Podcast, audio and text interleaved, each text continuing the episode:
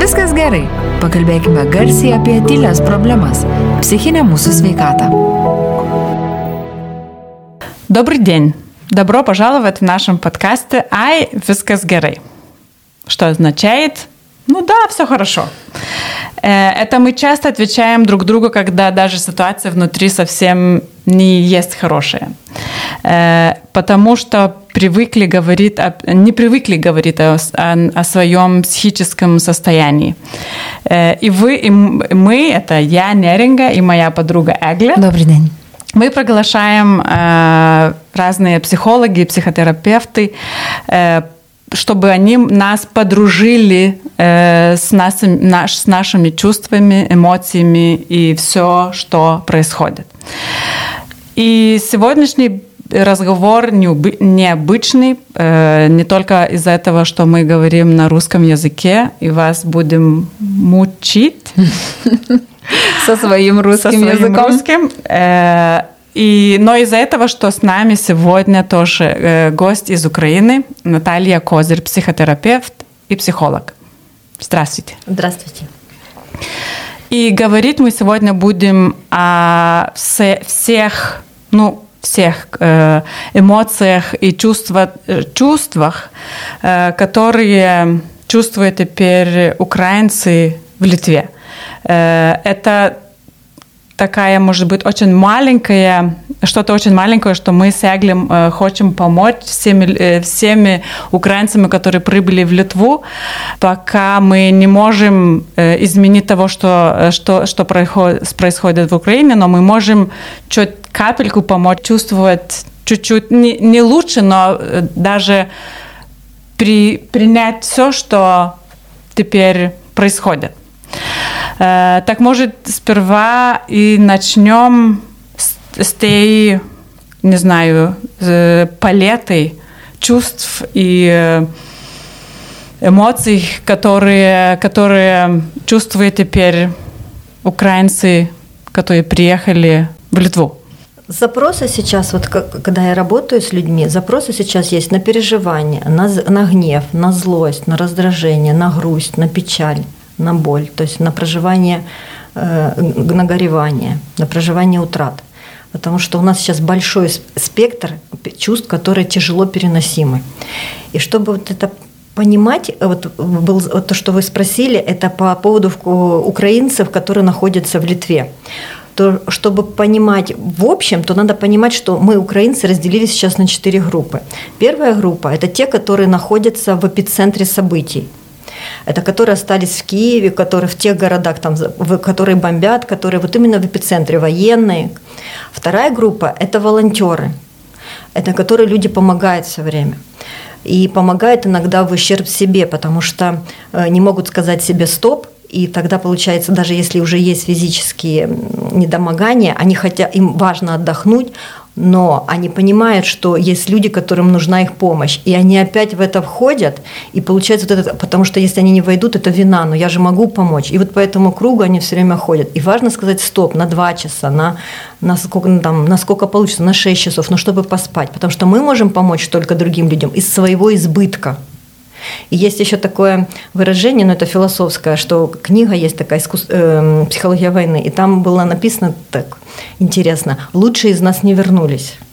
Понимаете, что человек, который своим ресурсом делится, например, там 100 грамм хлеба, он 50, э, ему надо на сутки, а он эти 50 грамм отдает или больше отдает, или вот там у него есть для одного человека убежище, а он принимает кого-то еще. И вот понимаете, лучше из нас не вернулись. Ну, такая философия, но она есть. Третья группа – это те, которые уехали, которые сейчас живут в Западной Украине, то есть условно безопасном месте, условно потому что, ну вот, вроде и не бомбили э, западную, а потом раз во Львове угу. произошло все. То есть и четвертое – это те, которые выехали за границу, там безопасные, безопасное место. И теперь важно понимать, в какой из групп мы находимся. Если я нахожусь в первой группе, то мне очень сложно э, понимать четвертую группу, потому что у меня тут бомбежки свистят, и пули, и там и ракеты летают, и самолеты, а там может быть у людей растерянность, там, не знаю, на четвертый этаж тяжело подниматься, диван неудобный. Понимаете, там разные потребности у нас, разная реальность сейчас. И важно понимать, что каждый сейчас должен насытить человека своей группы. А если есть люди с другой группы, поддерживайте с ними отношения, ну, там, созванивайтесь, спрашивайте, ну, как дела. И людям с четвертой группы не стоит высылать фотографии. Вот, например, они там уехали, не знаю, там, в Турцию или на Бали, то есть, и высылают фотографии, как здесь красиво. Представляете, как для психики человека, который остался в эпицентре он лежит там в бомбоубежище, mm-hmm. это же даже не бомбоубежище, это просто подвалы, не оборудованные, просто то, что там с одеялами, с пледами, с картонками какими-то. И он в ленте же мы все смотрим новости, и когда он видит, как люди, то есть это, то есть я прошу людей из четвертой групп не делать этого, правда, не делать этого. Так, так если мы теперь э, в этой э, сосредоточимся в этой четвертой группе, те, которые уехали, и те, которые теперь э, есть в Литве, потому что я думаю, только те послушают нас, нашего подкаста. Что вы могли бы сказать, чтобы понять все чувства внутри? Что нормально, если есть такое слово, чувствовать себя, как себя в чувствует такой ситуации, в такой ситуации, да. и как это понять, что творится внутри? Но если подойти к той теме, что вы сказали, что все ок или все нормально, да, все хорошо, то вот э, хочу рассказать, что когда э, Действительно ли все хорошо, когда мы так говорим? То есть это вежливость, но это не искренность. Тогда это просто вежливость. Если, люди, если вы, вам захотелось уединиться, вот вы приехали в Литву, да, и вам захотелось быть вот отдельной группкой, то ну не все ок это уже говорит о том, что есть какие-то чувства, которых вы не распознаете. Если это тревога, тогда это, скорее всего, то, что вы не можете сейчас свои базовые потребности удовлетворить. Вот почему, когда мы заходим в какой-то центр, нас сразу волонтеры предлагают, хотите ли вы воды, хотите ли вы еды, э, там, хотите ли вы там пройти в туалет, что вам важно сейчас, хотите ли вы посидеть, ли вы полежать, что вы хотите. Вот это базовая потребность. Потом только мы можем дальше распознать, э, что, сколько вокруг нас людей. Когда мы только удовлетворили свои базовые потребности, мы поняли, что мы хотим сейчас. Пить, есть, полежать, посидеть. Или нас, чтобы никто не трогал там буквально 5-10 минут, чтобы мы привыкли. -ка. Потом второе, это когда мы уже понимаем, какие вокруг нас люди, сколько. Это важно вот с этих переживаний тревожности перейти в когнитивную сферу, в голову, то есть понять, что кто вокруг нас, кто мы и что, где я и что я могу. И потом уже только это вернуться мои ценности. Это третий уже уровень когда ценности вернутся моральные, то есть что я могу сделать, там, например, работать, помочь, найти свое, свое общество, тех людей, которые выехали. И вот когда эти три уровня сойдутся, вот это и будет целостное «я». То есть, которые люди сейчас приезжают, они могут только сейчас начинать только с первого уровня. Только с первого уровня. И очень важно найти людей, когда мы, мы приехали, куда-то выехали, важно найти людей своей группы. Своей группы, чтобы мы, у нас реальность одна – Реальность первой группы mm-hmm. своя, второй своя, третья своя. У нас у четвертой группы, которые выехали у ребят, у них своя реальность. И важно этих людей найти, чтобы разговаривать, чтобы объединиться, чтобы понимать общие вопросы, которые возникают. Например, общий вопрос, э, где, где жить, Например, медицинская страховка, как зарегистрироваться, как найти работу. Вот это и есть общие вопросы. И их важно в той группе, в которой мы сейчас находимся, вот в этой четвертой, если так ее угу.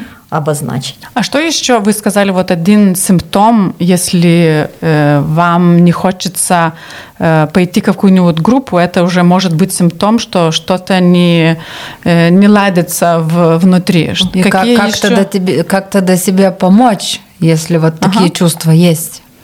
Ну вот как кризисный психолог и как волонтеры действуют, когда приходит группа, или просто люди заходят, то вот те я сразу наблюдаю. Если люди, кому я, кому я сейчас очень важна, есть люди, 70% людей, правда, справляются с психологической своими вопросами справляются, но есть 30. И вот эти 30, моя задача кризисного психолога сразу найти. Как? Когда люди приходят и не садятся в группки, вот в это объединение, они отдельно садятся и говорят, все ок, вот все mm-hmm. просто, все у меня хорошо, общаться все, все, не да, общаться не хотят, не, вроде и воды ничего не надо, стесняются. И вот это говорит о том, что уже люди не могут эм, удовлетворить свои базовые потребности. Это еда, вода, Понимаете, это уже звоночек. То есть почему-то они уже отселись. Они даже могут это не осознавать.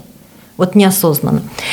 И люди, дети, есть, были, есть такие дети, которых просто за пихнули, можно так сказать, в поезда, которые уходили, без опекунов, и они уехали. То есть, да, им спасли жизнь, их вывезли, но они дети, и им нужны взрослые люди с опорами, угу, на да. кого они могут опереться. И есть пожилые люди, есть инвалиды потом, Самые незащищенные это дети. Угу. Я сразу смотрю на детей. Потом вот это, которые сидят отдельно и говорят, все, есть инвалиды, которые не могут о себе все побеспокоиться. И потом уже пожилые люди, которые говорят, доченька, у меня все в порядке, я посижу тут спокойно. Вот это это вот эти это мои вот это мои то есть у меня есть тогда сумка терапевтическая там много чего там есть э, пледик там есть чай там есть кофе там есть кипяток там есть шоколадка там есть э, коньяка 30 грамм, потом, чтобы выжить. Только коньяк да. может, э, чтобы человека физиологически. Моя задача как резонансового психолога физиологически за человеком, чтобы он жил, чтобы он работал. Потом после войны разберемся со всем. Но сейчас вот важно, чтобы он физиологически заработал, чтобы он у себя увидел, чтобы он фокус сменил с внутреннего фокуса, вот когда люди сидят и говорят, что у них все ок, и они же в себе сидят, угу. они даже не смотрят, у них такие, стек... ну, как стеклянный, как потолок есть такое, а это стек... вот он смотрит и не видит. Смотреть и видеть – две разных вещи в психологии. То есть он смотрит и просто в своих мыслях. И вот этот фокус мне, как психологу, психотерапевту, важно вывести на внешнее. Посмотрите. Хотите сначала на себя опора, что я хочу, кушать, пить, лежать, сидеть. Потом смотрите, сколько у тебя, где ты. Смотри, сколько человек тебе может помочь, кто, как какой. То есть вот так вот. И вот потихоньку этот фокус изнутри вывожу на внешнее. И тогда человек со своих переживаний, с идовской части, вот со своих переживаний переходит потихоньку в голову, в когнитивную сферу mm-hmm. и начинает опираться на это. Хоть и запрос был у вас по поводу какие чувства, да, эти чувства, злость, раздражение на людей, которые уехали, которые остались, вы понимаете, одни раздражаются, что те уехали, их бросили, а в четвертой группе, которые выехали, раздражаются, как можно сидеть там с детьми и не вывозить, mm-hmm. понимаете? Но я тут тоже могу объяснить. У нас есть такой страх, например, у одних развито возбуждение, у одних торможение. Мы такие рождаемся, и важно научиться с этим жить. И важно понимать, какой у меня как нерв, тип нервной системы. И тогда смотрите, может быть тот человек, вот когда, если я в четвертой группе раздражаюсь на тех мам, которые э, сидят там в Киеве с детьми и не вывозят их, и они же, получается, их подвергают вот этим травмам, потому что надо прятаться, mm-hmm. это сирена, там светозащита и все остальное. Я могу, я имею право на это злиться. Но тут надо понимать, чего я злюсь. Потом, и понимать человека, который остается. Есть страх, страх уехать больше, чем страх остаться. И важно опираться именно на себя. Потому что, смотрите, я реальность свою видеть и смотреть на реальность других, но опираться на свою реальность. В чем она заключается? Если все убегают, все едут, все и говорят, все, поехали, побежали, все, уже надо уходить, уже нет времени. И если я чувствую, что я могу, что у меня есть помощь, что я уже простроила алгоритм, куда я еду, у меня там, например, есть работа или меня ждут, тогда да, я могу выстроить и начать двигаться. Если мне некуда ехать, вот просто никуда, ну, очень много процентов людей, которые не поедут, потому что вот эта неизвестность, она пугает. И тогда что? Смотрите, если я даже пойду на, э, за людьми, которые мне предлагают уехать, но у меня нет в этом сил, смотрите, я выйду, по идее, там началась бомбежка, да, мне надо бежать дальше, а у меня нет сил.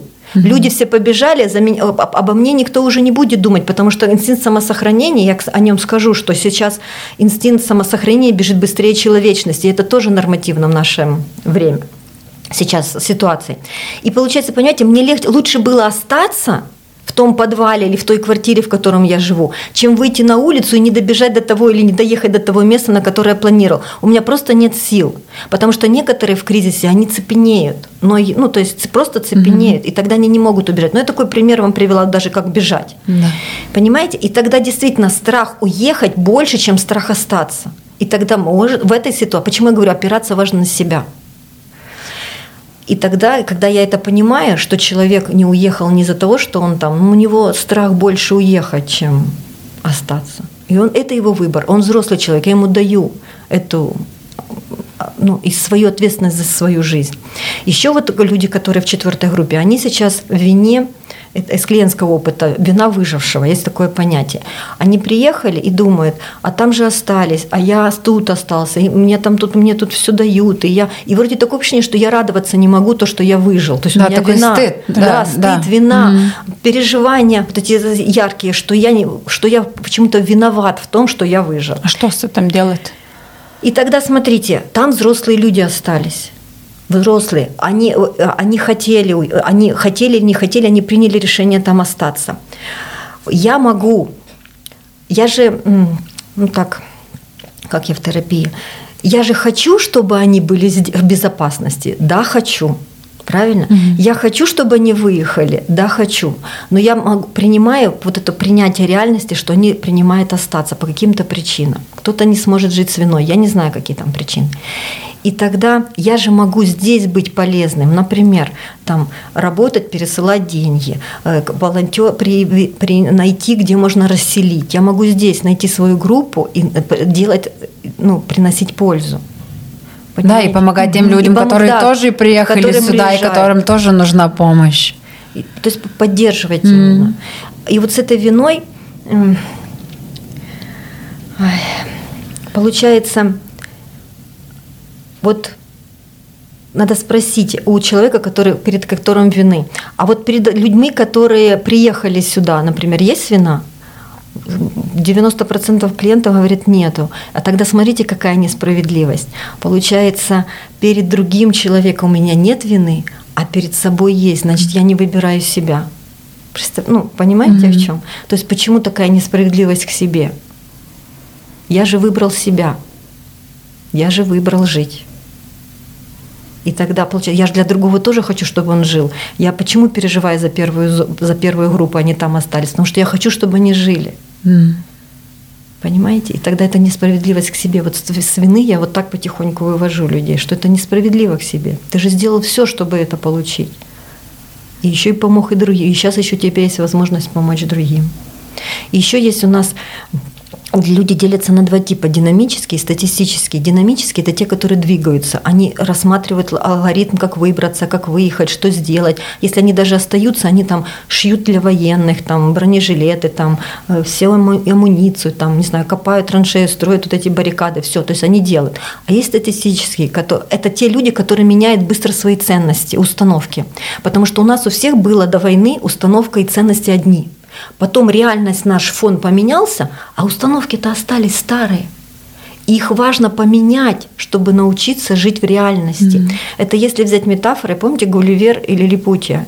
Когда Гулливер приехал. Вот мы сейчас все Гулливеры, мы приехали, и мы не знаем, что с этой реальностью делать. И важно поменять эти установки. Что раньше, например, Гулливер ходил большими шагами, а сейчас он ходит и смотрит, чтобы никого не раздавить. Понимаете? То есть я просто такой группы ну, Да-да-да-да-да. про Ну вот, Ну вот, например, другая. какие, как вот, э, какие чувства, что, что в этой ситуации э, могли, должно э, пом- поменять? Вот если я динамически, я начала разговаривать про динамического типа, то я буду, э, у меня будет тревожность, и с этой тревожностью важно справляться. Как с ней справляться? Это сублимация психологии называется. Это выводить в действие. Например, кто-то бегает, кто-то отжимается, кто-то работает, кто-то помогает, кто-то волонтерит. Вот это все сублимация. Статистический человек, он будет сидеть, он будет сидеть в себе. Он не может так быстро поменять свои ценности к, к мирному времени. Ему надо время. Он поменяет, но ему надо время. Но, к сожалению, у нас не всегда это время есть. Сейчас. Но вообще это просто надо понимать, что этот человек сидит, потому что ему сложно расстаться со своими установками и ценностями.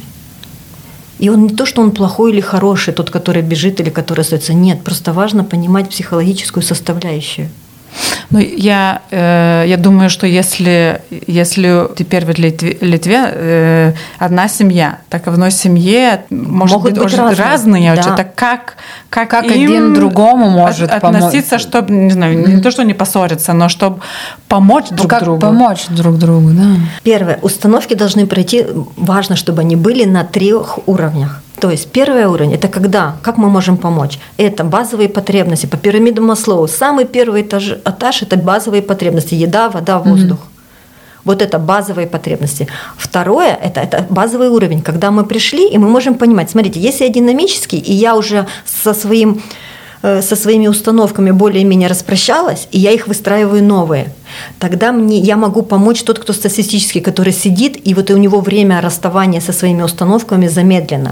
Я могу, э, он говорит, я не хочу. Такие люди обычно не хотят есть, пить, вот mm-hmm. они просто сидят, они просто ну, метаболизм остановился. А важно метаболизм продолжать. Вот почему я вам говорю работа. Когда мы работали, и потом раз война началась, люди сначала, метаболизм нельзя останавливать, его надо, чтобы двигался. Mm-hmm. Метаболизм, я говорю про профессиональную деятельность, но точно так же и про организм, чтобы да. он был понятен. Мы не можем остановить.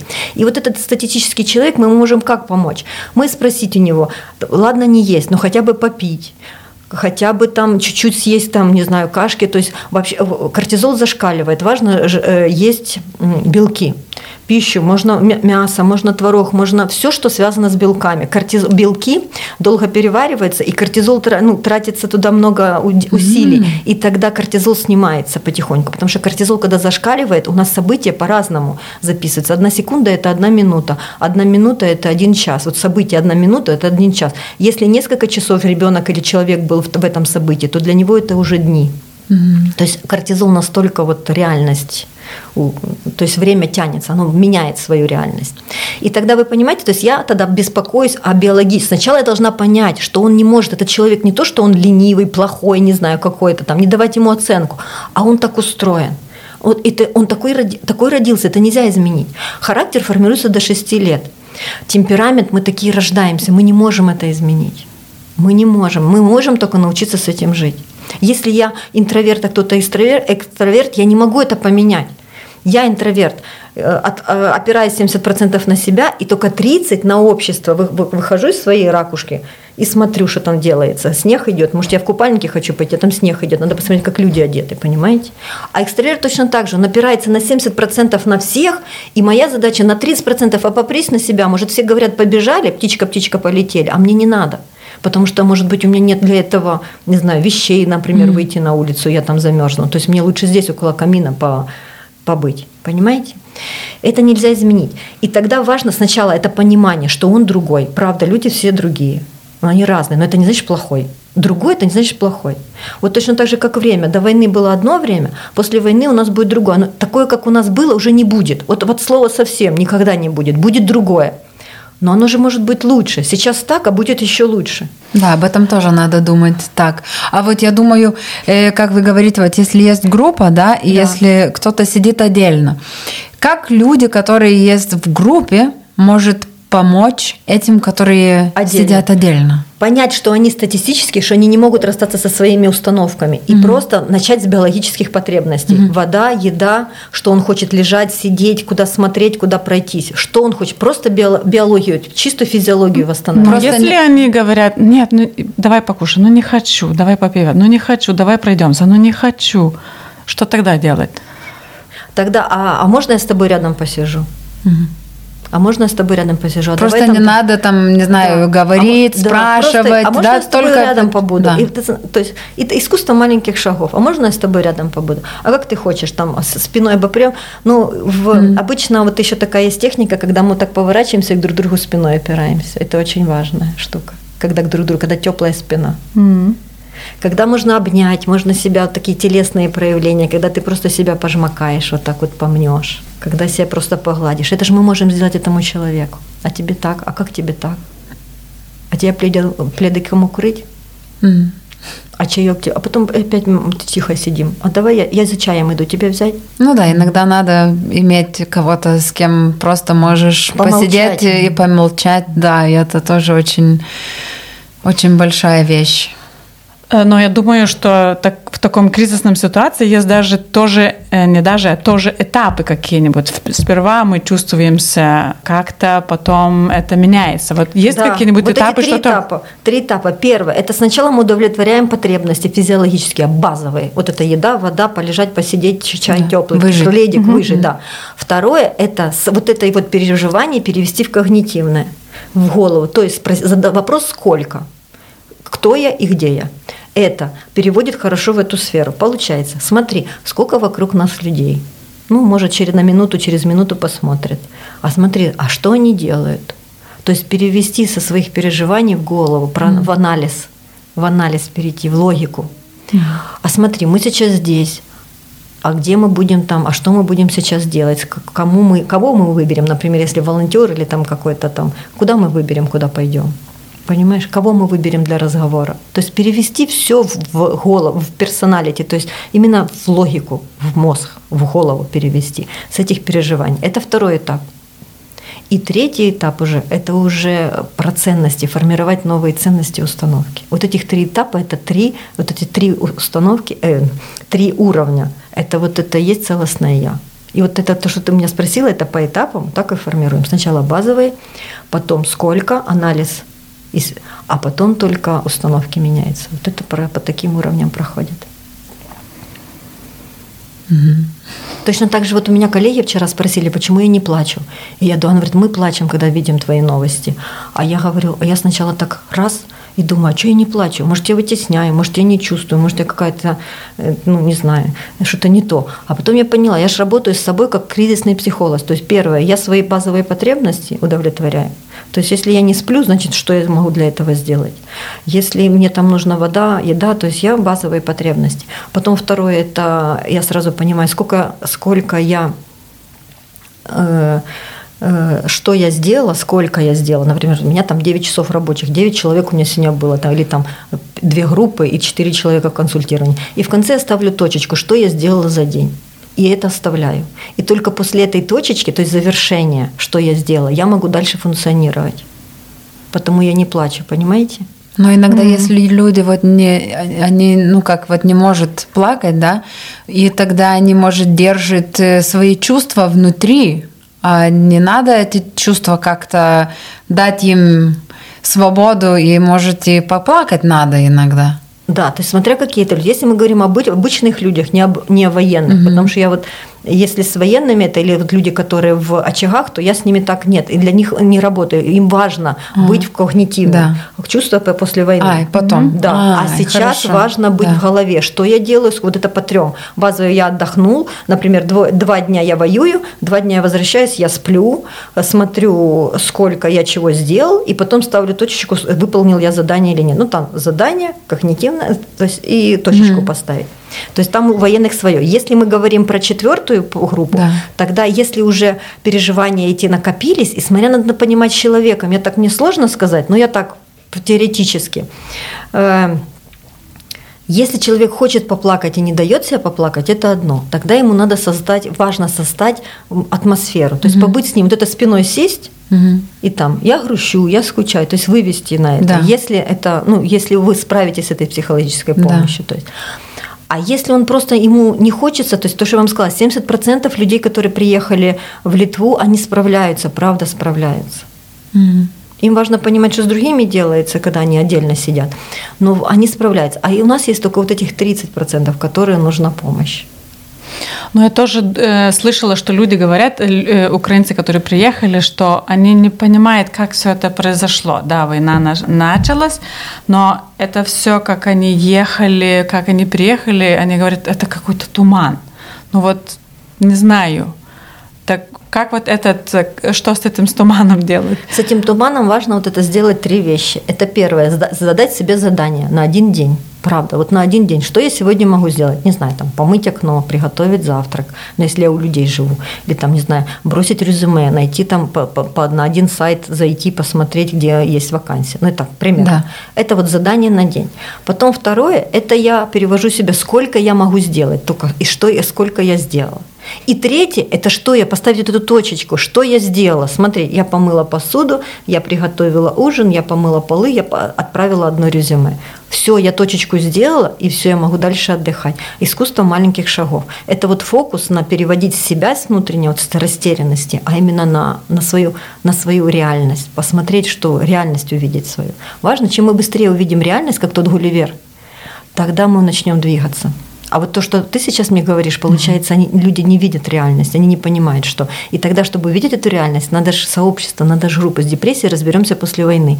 А сейчас важно найти таких людей, как вы, ну, как мы все, как в своей группе, в первой, во второй, в третьей или в четвертой, и быть с ними. Они в одной, мы в одной реальности, тогда нам проще. А, ну, очень много есть э, женщин, которые приехали с детьми. Так я тоже хочу спросить, э, э, как детям может помочь маме, они должны быть крепкие рядом с ними или какие, ну просто чтобы им помочь, чтобы они тоже, им же, они приехали куда-то, они языка не знают, они не знают места, где они есть сейчас. И как, как им помочь хоть чуть-чуть просто чувствовать себя Или получше. как не навредить еще больше. Ага. Задача родительская, она одна. Это адаптация, чтобы ребенок выжил без нас. Это так, это же в, это в мирное время всегда говорю. У каждого родителя есть своя задача. У мамы это не заразить своей тревожностью, угу. просто разграничить, где моя тревожность и где ребенка. А у папы это быть терпимым к обучению. Потому что если папа терпим к обучению, тогда ребенок будет без страха все делать и все пробовать, и будет учиться. Я не про школу, я про все, там, да, ходить. Про жизнь. Про жизнь, да, да, я про все, и про школу тоже. Когда у папы есть терпение научить, это важно. Тогда не, ребенок не будет сковываться. Но так как папа, папа у нас остались в Украине, говорим про маму. Потому что мама приезжает. И смотрите, если взять, например, такой мой любимый пример в, в мирное время, это горка без ручек. Ну, и маленькие дети, они же туда обязательно хотят. И вот мама боится, потому что она же у нее же этот э, объемное мышление уже после 25 лет, но я, если я говорю про взрослую маму, она уже понимает, что это может быть опасно. Mm-hmm. И тогда можно сказать, нет, не лезь на эту горку, но мы тогда его не научим адапта- адаптивной вот этой функции. Мы тогда просто запретим. И тогда, если мы отвернемся или потеряем деятельность, он обязательно туда полезет и свалится оттуда. Нам какая наша задача адаптивная? Научить. То есть понимать, что это опасно, и научить пройти это испытание с минимальными затратами. То есть подняли его на вторую ступенечку. Ну как тебе? Боюсь. Ну давай слазим, завтра еще попробуем. На следующий день на третью ступенечку, на четвертую ступенечку. Страшно? Не нормально. Ну давай еще одну ступенечку, на одну ступенечку.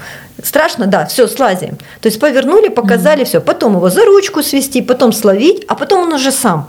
Видите, для чего это вам сказала? Что вообще этот горка без ручки пугает меня. Ребенок даже не понимает про свою безопасность, тем более, если ему 5 лет. Он вообще это не понимает. И тогда, если я скажу, страшно, ребенок меня испугается. Вот когда ребенок падает, и мама начинает, все случается, он еще пугается больше всего.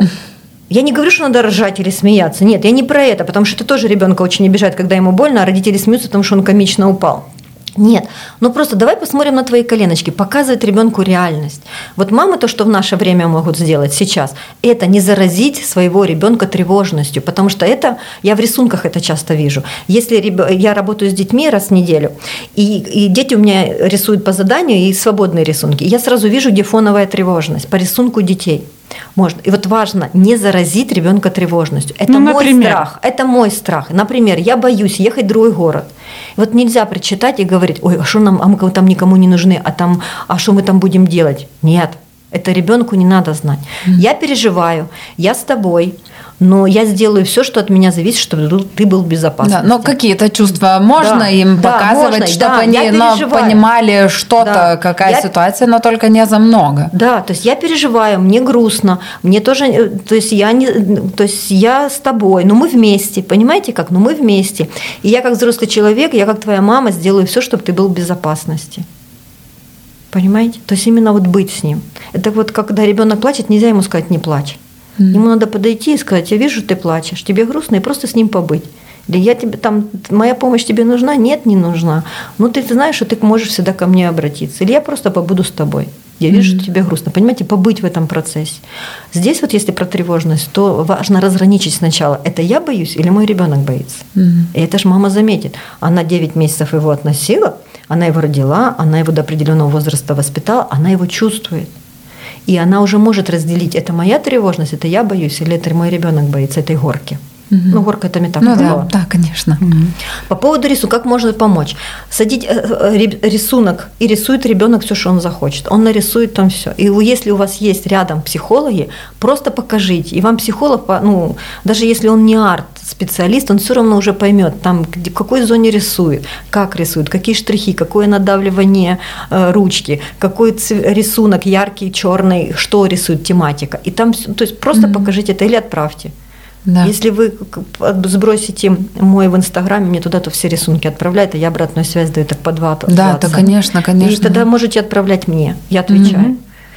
То есть, ну вот такое. Потом, э, например, пластилин. Пластилин или все, что, или там тесто, все, что вот лепится очень сложно. Это моторика руки. Пусть вот эту агрессию, пусть вот эти чувства, это вот сублим, э, в этот, выталкивать, сублимировать. Рвать бумагу. Дали, у меня на занятиях я говорю, рвем бумагу. И они так сидят и не могут порвать. И я, он говорит, и нам за это, я говорю, вам за это ничего не будет. И они просто рвут бумагу на мелких, вот эту минуту, две, три, у меня ж мурашки пошли. Они просто вот кайфуют от того, что они могут что-то порвать, потому что они сидят сидят как зайчики, а им же тоже надо, у них же тоже да, такие же чувства, как да. у нас, и злость, Конечно, раздражение. где-то надо их да, тоже их тоже ж надо. И тогда вот эта бумага, это пластилин, это рисунки прям пластилином мы делаем, то есть ну, там э, бумага, и мы прям пластилином рисуем, разминаем по листку mm-hmm. бумаги этот пластилин. Это агрессивные действия. И ребенку тогда становится они иногда плакать начинают, потому что не получается. И там много всяких процессов. Mm-hmm. Пусть плачут. Это хорошо. Но э, теперь все дети, которые приехали, одни, э, одни ходят на литовские школы, другие на русские, третьи там э, остаются какие-то в кружках. Что есть такое, как универсальные, не знаю, э, ситуация или что лучше для, для детей теперь? Быть в, рядом в своем свои, круге, своем круге или, или пойти в, не знаю, в, в жизнь? И это не, не имеет никакого значения, что он поменяет, э, потому что все равно все уже изменилось. Это кризис. Ребенок пошел в детский сад в мирное время, это кризис. Пошел в первый класс, это кризис. Переехал, э, иммиграция, это все для ребенка кризис. Для любого человека это стресс, это стрессовая ситуация. Стресс есть, он, он уже уехал со страны. И теперь важно, помните, я вам сказала, чем быстрее Гулливер поймет, что он в другой реальности, тем быстрее начнет адаптация. Значит, те люди, которые есть рядом с ним, например, приехало трое-четверо детей, это хорошо, что они находятся вместе. Но есть еще другая реальность. И эта реальность, вот именно на твой вопрос отвечаю, школа. Да, он может на английском общаться там, на русском и на английском, ну то есть если литовский не знает. И это тоже реальность потихоньку, но это реальность. И еще это зависит от людей, от детей. Одному, если он интроверт, то, конечно, ему лучше остаться дома, никуда не идти, это ж страшно. И тогда мы берем за ручку и идем на один урок. Нас как на погорке, помните? Угу, да. на, на второй день на два урока. А может, потом, регресс никто не отменял. Шаг вперед и два назад это для детей просто норма. Угу. То есть, если даже на третий день он не захотел вообще в школу идти, все, мы остаемся дома. А другим людям, если это экстраверт, и если у него не было такой сильной травмы, и он понимает, что ему нужно ресурсно, и у него тип нервной системы, помните, я вам сказала, угу. динамический, то ему школа наоборот зайдет.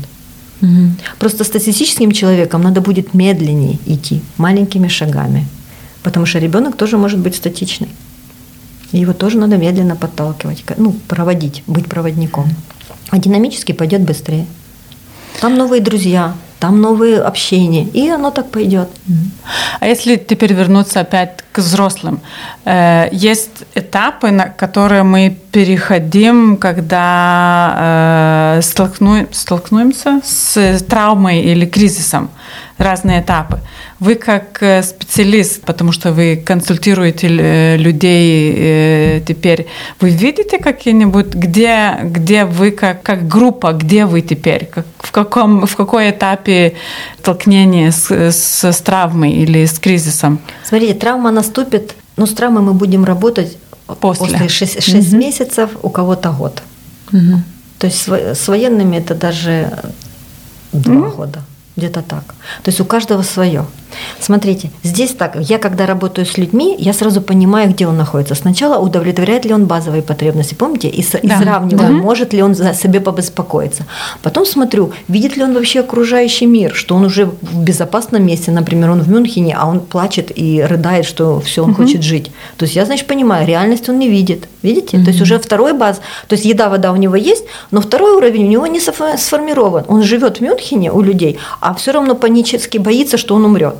То есть я вот тогда вывожу на фокус, на другое, на посмотри, а найди людей своих, найди, кто-то что же выехал, кто-то тоже есть в Мюнхене, кто-то тоже волонтерит, кто-то там, ты же стоишь там в очереди, например, на иммиграционную службу, там же есть такие же люди, как ты, найди их. Понимаете? И третий, я уже понимаю, что если уже человек может и первое, например, и уже нашел свой круг, и тогда он уже понимает, что он, э, что он может сделать, например, что он может помочь туда. То есть у него уже есть этот, что, уже ценности у него сформируются. То есть он принял реальность, он здесь, и что на этот месяц-два он может сделать. То есть я диагностирую на каком, но это я смотрю, как он говорит. Некоторые же люди говорят, с чего мы начинали, все ок. А если он стоит вот так кулак, этот невербалику, я больше читаю, чем вербалику. Если человек мне говорит все ок, а сам скрутился или рыдает, вы же не поверите ему, ну, что да. все ок. Ну, рыдает это явно. А некоторые просто руки там зажались, оно видно, что не все ок. Или как он сидит, или он не сможет, не может попросить, или спросить там, или я точно знаю, что этот автобус ехал 4 часа в пути, и он даже не спрашивает, где туалет. Ну, то есть я понимаю, что он не может о себе побеспокоиться.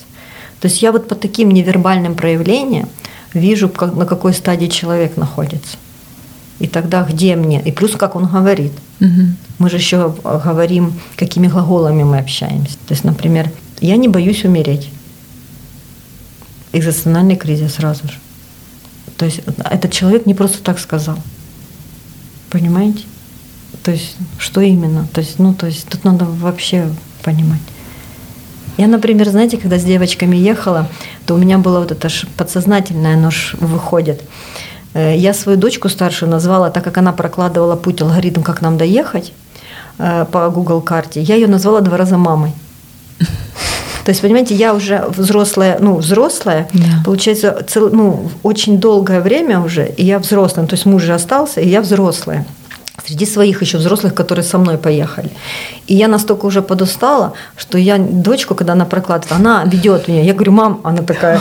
И это же оговорка по Фрейду, понимаете? Я сразу себя это отловила, что два раза за вот все наше путешествие сюда, то есть у меня я ее назвала мамой. То есть это вот то, что я могу на нее опереться. И это же ну, Вам же помощь это тоже нужна. Да, то есть подсоз... И когда мы ехали, у меня дети взрослые, там 23-21, 19 сын остался.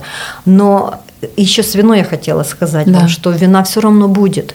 Я сейчас перейду. И тогда, представляете, у меня очень грустно было, когда я видела мам, у которых дети, например, 10, 9 или там 5, или вообще груднички. Это же получается, она вообще самостоятельная. Она за себя и за ребенка. Но то, что я могу из своего опыта э, сказать, что когда я родила своих детей, я намного стала сильнее. Ну, я правда почувствовала эту силу, когда мы в ответе. Ну да, сила да. мамы, она да. очень Сила. И я помню, какая была такой очень, знаете, как зайчик маленький, а потом, когда дети начали рождаться, ну, погодки у меня, я прям сильно чувствовала эту силу.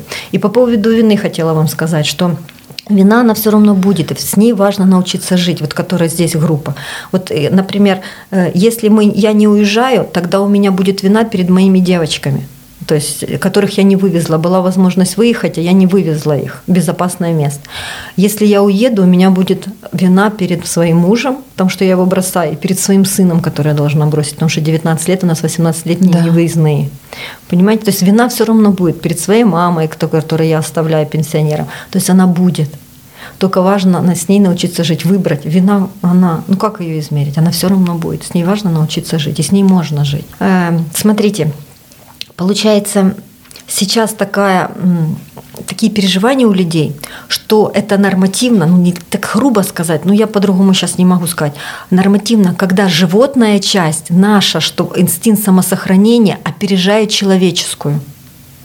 Угу. Понимаете? То есть, по идее, я спасаюсь сам, например, хватаю своих детей в охапку и бегу, но я не звоню там тому, тому, тому, может, вы со мной поедете, у меня, например, в машине три места свободных, может, вы со мной поедете, понимаете? Я уже, когда добираюсь до места, почему и вина добивает, до, доходит до вот этого вина выжившего, я добрался до места, а потом понял, думаю, блин, у меня же было одно место в машине, я же мог кого-то вывести, или кому-то предложить, или на второй машине, знаете, четырьмя машинами, например, легче mm. ехать, чем одной машиной, понимаете? вот этот инстинкт самосохранения опережает нашу человечность довоенную. И это для нашей ситуации сейчас, ну, так, ну, в 70% она такая, правда. Вот эта человечность, она отстает немножко. Потому что, и, и самое главное, важно не мешать этой физике. Потому что благодаря этой физиологии мы выживаем. После войны разберемся. Самое главное выжить сейчас. То есть вот это вот важно, это инстинкт самосохранения, и он рабочий кожа, например, мы начинаем меньше потеть, у нас капилляры, капилляры э, сужаются, чтобы если будет ранение, у нас не будет такого кровотечения. У нас организм подстраивается к этому. И важно этому ему не мешать. Mm-hmm. И по поводу вины, если я просто уехал, будет вина. Но если я уехал за счет других, например, то вина будет еще и стыд. Ну, за счет других, например, мог помочь, меня попросили, я не помог, или там я никому-то не сказал, то будет еще и стыд. И важно это принимать, понимать, что ты сделал то, что ты мог на данный момент. Но так у тебя сработала сигнальная твоя парасимпатическая симпатическая система. Я вот могу из личного опыта сказать, когда мне было 25, я родила дочку, нет, уже 30 было, у меня их трое было уже в 30. И у нас был пожар на лестничной клетке. Я помню, как я увидела это, э, закрыла дверь, обложила полотенцами, и чтобы спасти свою семью, ну, своих детей, тогда уже не было, своих mm-hmm. детей, а, и позвонила только в пожарную охрану, но не, не открыла э, ч, квартиру, которая, была, которая горела я э, заботилась о своем. И мне было за это очень стыдно, что там была пенсионерка, и я могла ей же помочь. Ну, все в порядке, пожарная приехала, там в течение пяти минут, и она на балконе спряталась, все с ней в порядке. Но вот сейчас, когда мне уже 49 лет, я поступаю по-другому. Я спасаю сначала свою семью, но я все равно, я уже помогаю другим. То есть, понимаете, это вот как-то с возрастом, с опытом, из, от избытка. То, что я сказала, что можно помочь другому, как в самолете маску. Сначала себе, да. потом ребенку. По-другому не получится. Только сначала себе. Из избытка я могу помочь другому. И вот важно, если понимать, что у тебя есть этот избыток, тогда ты делишься с ним другим, с другими людьми. И еще, если есть обратная связь очень, вот ты помог, например, пледикам, и тебя обняли, поцеловали, а тебе это важно, тогда да, тоже. Понимаете? То есть вот именно когда ты наполнен, тогда ты можешь помочь другим, когда ты в порядке. Ну, в принципе, я думаю, самое главное, что да. все поняли, что надо сперва помочь самому себе. себе. Угу. А Спасибо потом по чуть-чуть. Маленькими шагами, маленькими да? Шагами, маленькими да. шагами. Mm-hmm. Так yeah. думаю, что с этой передачей Тома тоже маленькими шагами мы теперь э, делали первый шаг, mm-hmm. а потом будут еще другие маленькие да. шаги. Спасибо вам. Спасибо вам большое. Спасибо вам. Слава Украине. Слава Украине, да. Ai, viskas gerai. Pakalbėkime garsiai apie tylės problemas - psichinę mūsų sveikatą.